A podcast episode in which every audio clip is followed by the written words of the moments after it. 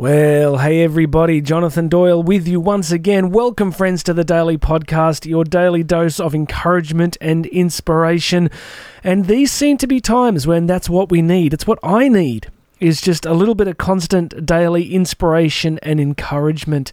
We are a social species. We need to encourage each other. We need to be around people and messages and ideas that energize us and bring us encouragement. I've uh, I've noticed over the last six months that uh, so often if you start your day with uh, news websites and uh, negative forms of social media, you end up starting your day in a really negative sense. So, isn't it crucial uh, that we just surround ourselves with inputs that just build us up, that make us want to grow, that make us want to share ideas with people that help them grow and develop. So today, I want to start with a simple quote from William James, who many of you would know was one of the most extraordinary psychologists, uh, one of the great progenitors of the early psychological uh, discipline itself. So, definitely somebody worth listening to. It's a very simple idea. Yesterday, I was talking about mindset and I just want to riff on that for a second. So he says this human beings can alter their lives by altering their attitudes of mind. Human beings can alter their lives by altering their attitudes of mind. Now, when you hear that, there's that part of your brain that goes, yada, yada, yes, yes, we need to have a positive attitude. And for some people, that's easy. I often say my youngest daughter has this just absolutely irrepressible spirit. She just is always happy. She's just constantly, you know, really happy all the time and just constantly energized and alive. And some people are just born that way. Their cognitive architecture, the structure of their mind and spirit is just positive, and God bless them.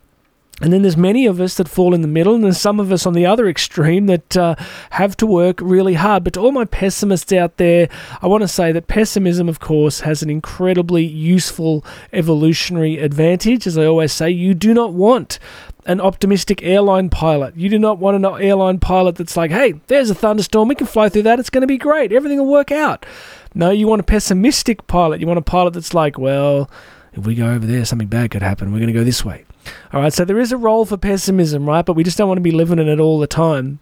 So, uh, you know, as a species, it was the pessimist. It was the one that said the weather's going to be bad. We should uh, store extra crops that survive. So, isn't this this funny human balancing act between rampant optimism and pessimism? And we want to, you know, we want to make things work for us. We want to get that mindset that is seeing reality seeing the challenges in life for what they are, but then choosing a positive response. So, William James is saying here that we can alter our lives. I mean, how many of us at some level want to alter our lives, right? None of you listening to this are going, Jonathan, look, I like you. I like tuning into your show. But guess what? Uh, my life's perfect. I have absolutely nothing I want to change. Every human being, if you are breathing, there will be something in your life that needs to change. You could take a relationship to a better level. You could uh, you could earn more money. You could improve your health and fitness. Whatever it is, all of us have some area of life that we would like to improve. So the question is how we do it, and that's what I guess I've spent you know, the last two decades of my life helping people with. You know, there's all sorts of different aspects to that. Of course, we can you know learn new skills. We can get different reference groups of people that surround us, new peer groups. There's a whole bunch of things we can do. But William James is telling us today that the most preeminent step, the most important thing that we will do is to alter our attitudes of mind. So, as I was thinking about this in the studio, I go, okay, how do I help people move this from just an idea, just from kind of a, oh, yeah, yeah, I get it, we got to change our attitudes of mind, I hear you, Jonathan, into actually doing it?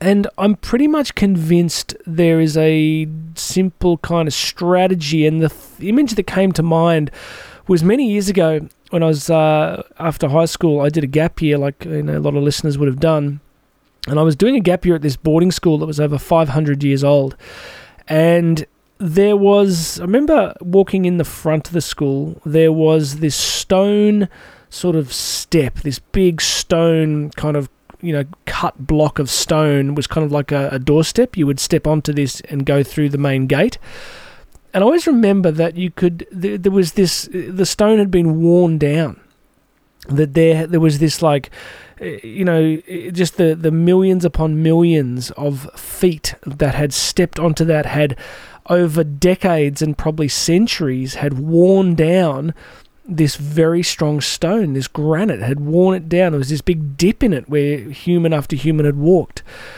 And I began to think of uh, a lot of ways in our lives, our thinking, our results, our cognition, our attitudes are a little bit like that. It's the repetitive things that we do and think and say that we don't think are significant at the time.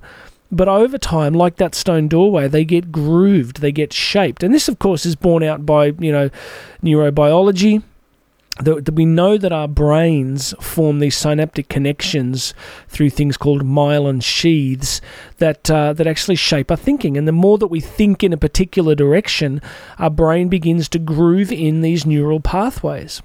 So I guess if you want to think today about changing your life and altering your life, and if the answer to that, according to William James, is to alter your attitudes and mind, then the first thing we have to do is begin to take a radical responsibility for our own thinking.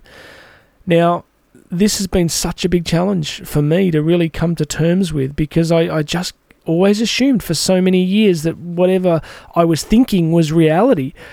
And it's only more recently that I've said this in so many podcasts recently that I've come to understand that we can capture our thinking. We can we can cap sort of stop ourselves, capture ourselves in the in the moment of negative thinking. And the first step is that recognition is to go, oh, I'm thinking that thing again. I'm thinking that. I'm noticing that I'm thinking in that particular path. And if you're a kind of natural depressive and stuff, you'll notice that you start going down that path. You start going down that neural pathway of, oh, this is terrible and this isn't going to work out. Friends, I'm sitting here in lockdown like many of you and our lives are being just you know brutally impacted by I think what are unspeakably poor policies, and you know all of us could go down that rabbit hole of negativity super fast. But I'm learning to go. Okay, I am responsible for how I'm thinking. I, and my thinking affects the people that I love that are around me. I'm going to be diligent. I'm going to be proactive. I'm going to be on top of how I'm thinking. And it is work regular listeners know that over many years I've been an exercise, you know, I don't know the correct word for it, but it's been a huge part of my life. So I've learned that fitness, strength, capacity in an athletic sense just comes from years of grooving it in, years of doing it day after day, doing the work. And I'm convinced as I get older that our cognition is no different, that we need to take some responsibility for what we're doing. So, whatever you're going through today as you go about your life, start to pay attention to this cognition, start to pay attention and capture yourself and go, oh, I'm, I'm going that way, I'm going down that way, I get it, I get it. Stop and choose different things. It's the nature of faith. You know, remember sharing with you a few episodes ago, there's a beautiful quote from the Yale uh, Dictionary of the Bible that said, you know, faith by its very nature confronts fear. That faith is a decision. It's literally a decision. It's a it's a it's a decision to believe something and that decision for faith then overrides the experience of fear. It's like this just this simple process that if we live in faith or we live in hope or we live in positivity in our mindsets, it slowly overpowers the fear and the limitation in our life. It just does. I mean, I've come to this pretty late. I really want to say, if you're listening to this going, yada yada, I'm not sure, Jonathan, I don't know. You're just thinking we should think differently and everything's going to change. Here's my answer yes. Yes, I am yes, yes. That what else can I tell you? Yes, I think that if we think differently, we will get a different outcome in our life. So, friends, I hope that's an encouragement to you today. Change the alter, alter, alter things in your life by altering your attitudes of mind. How do you alter your attitudes of mind? You do that in the concrete, moment by moment realities of what you're thinking. That's the process. Okay, that's it. I always like to keep them short. Do me a favor, hit subscribe. You're listening to this somewhere, hit subscribe. Do me a favor today, jump on your computer at some point and just go across to your favorite podcast platform wherever you listen to me and just hit that, uh, give it a review just put in some comments and give it a review. It really helps move the podcast forward. And as always, if you could grab this link, chuck it on your Facebook page, chuck it in your Twitter, um, just share it with friends and family. It's a huge blessing. All right, friends, that's it from me today. My name's Jonathan Doyle. You want to get in touch with me, just go across to jonathandoyle.co.co and you can reach out to me there. I love doing this. I hope it's a blessing to you. Praying for everybody listening better days are ahead. This is a testing moment for this planet. It's a testing moment for people, but we are going to come through. We are a resilient, magnificent species that has. Uh, has always eventually overcome, and we will overcome these times, and you will overcome these times. My name's Jonathan Doyle. This has been the Daily Podcast. God bless you, friend. I'll have another message for you tomorrow.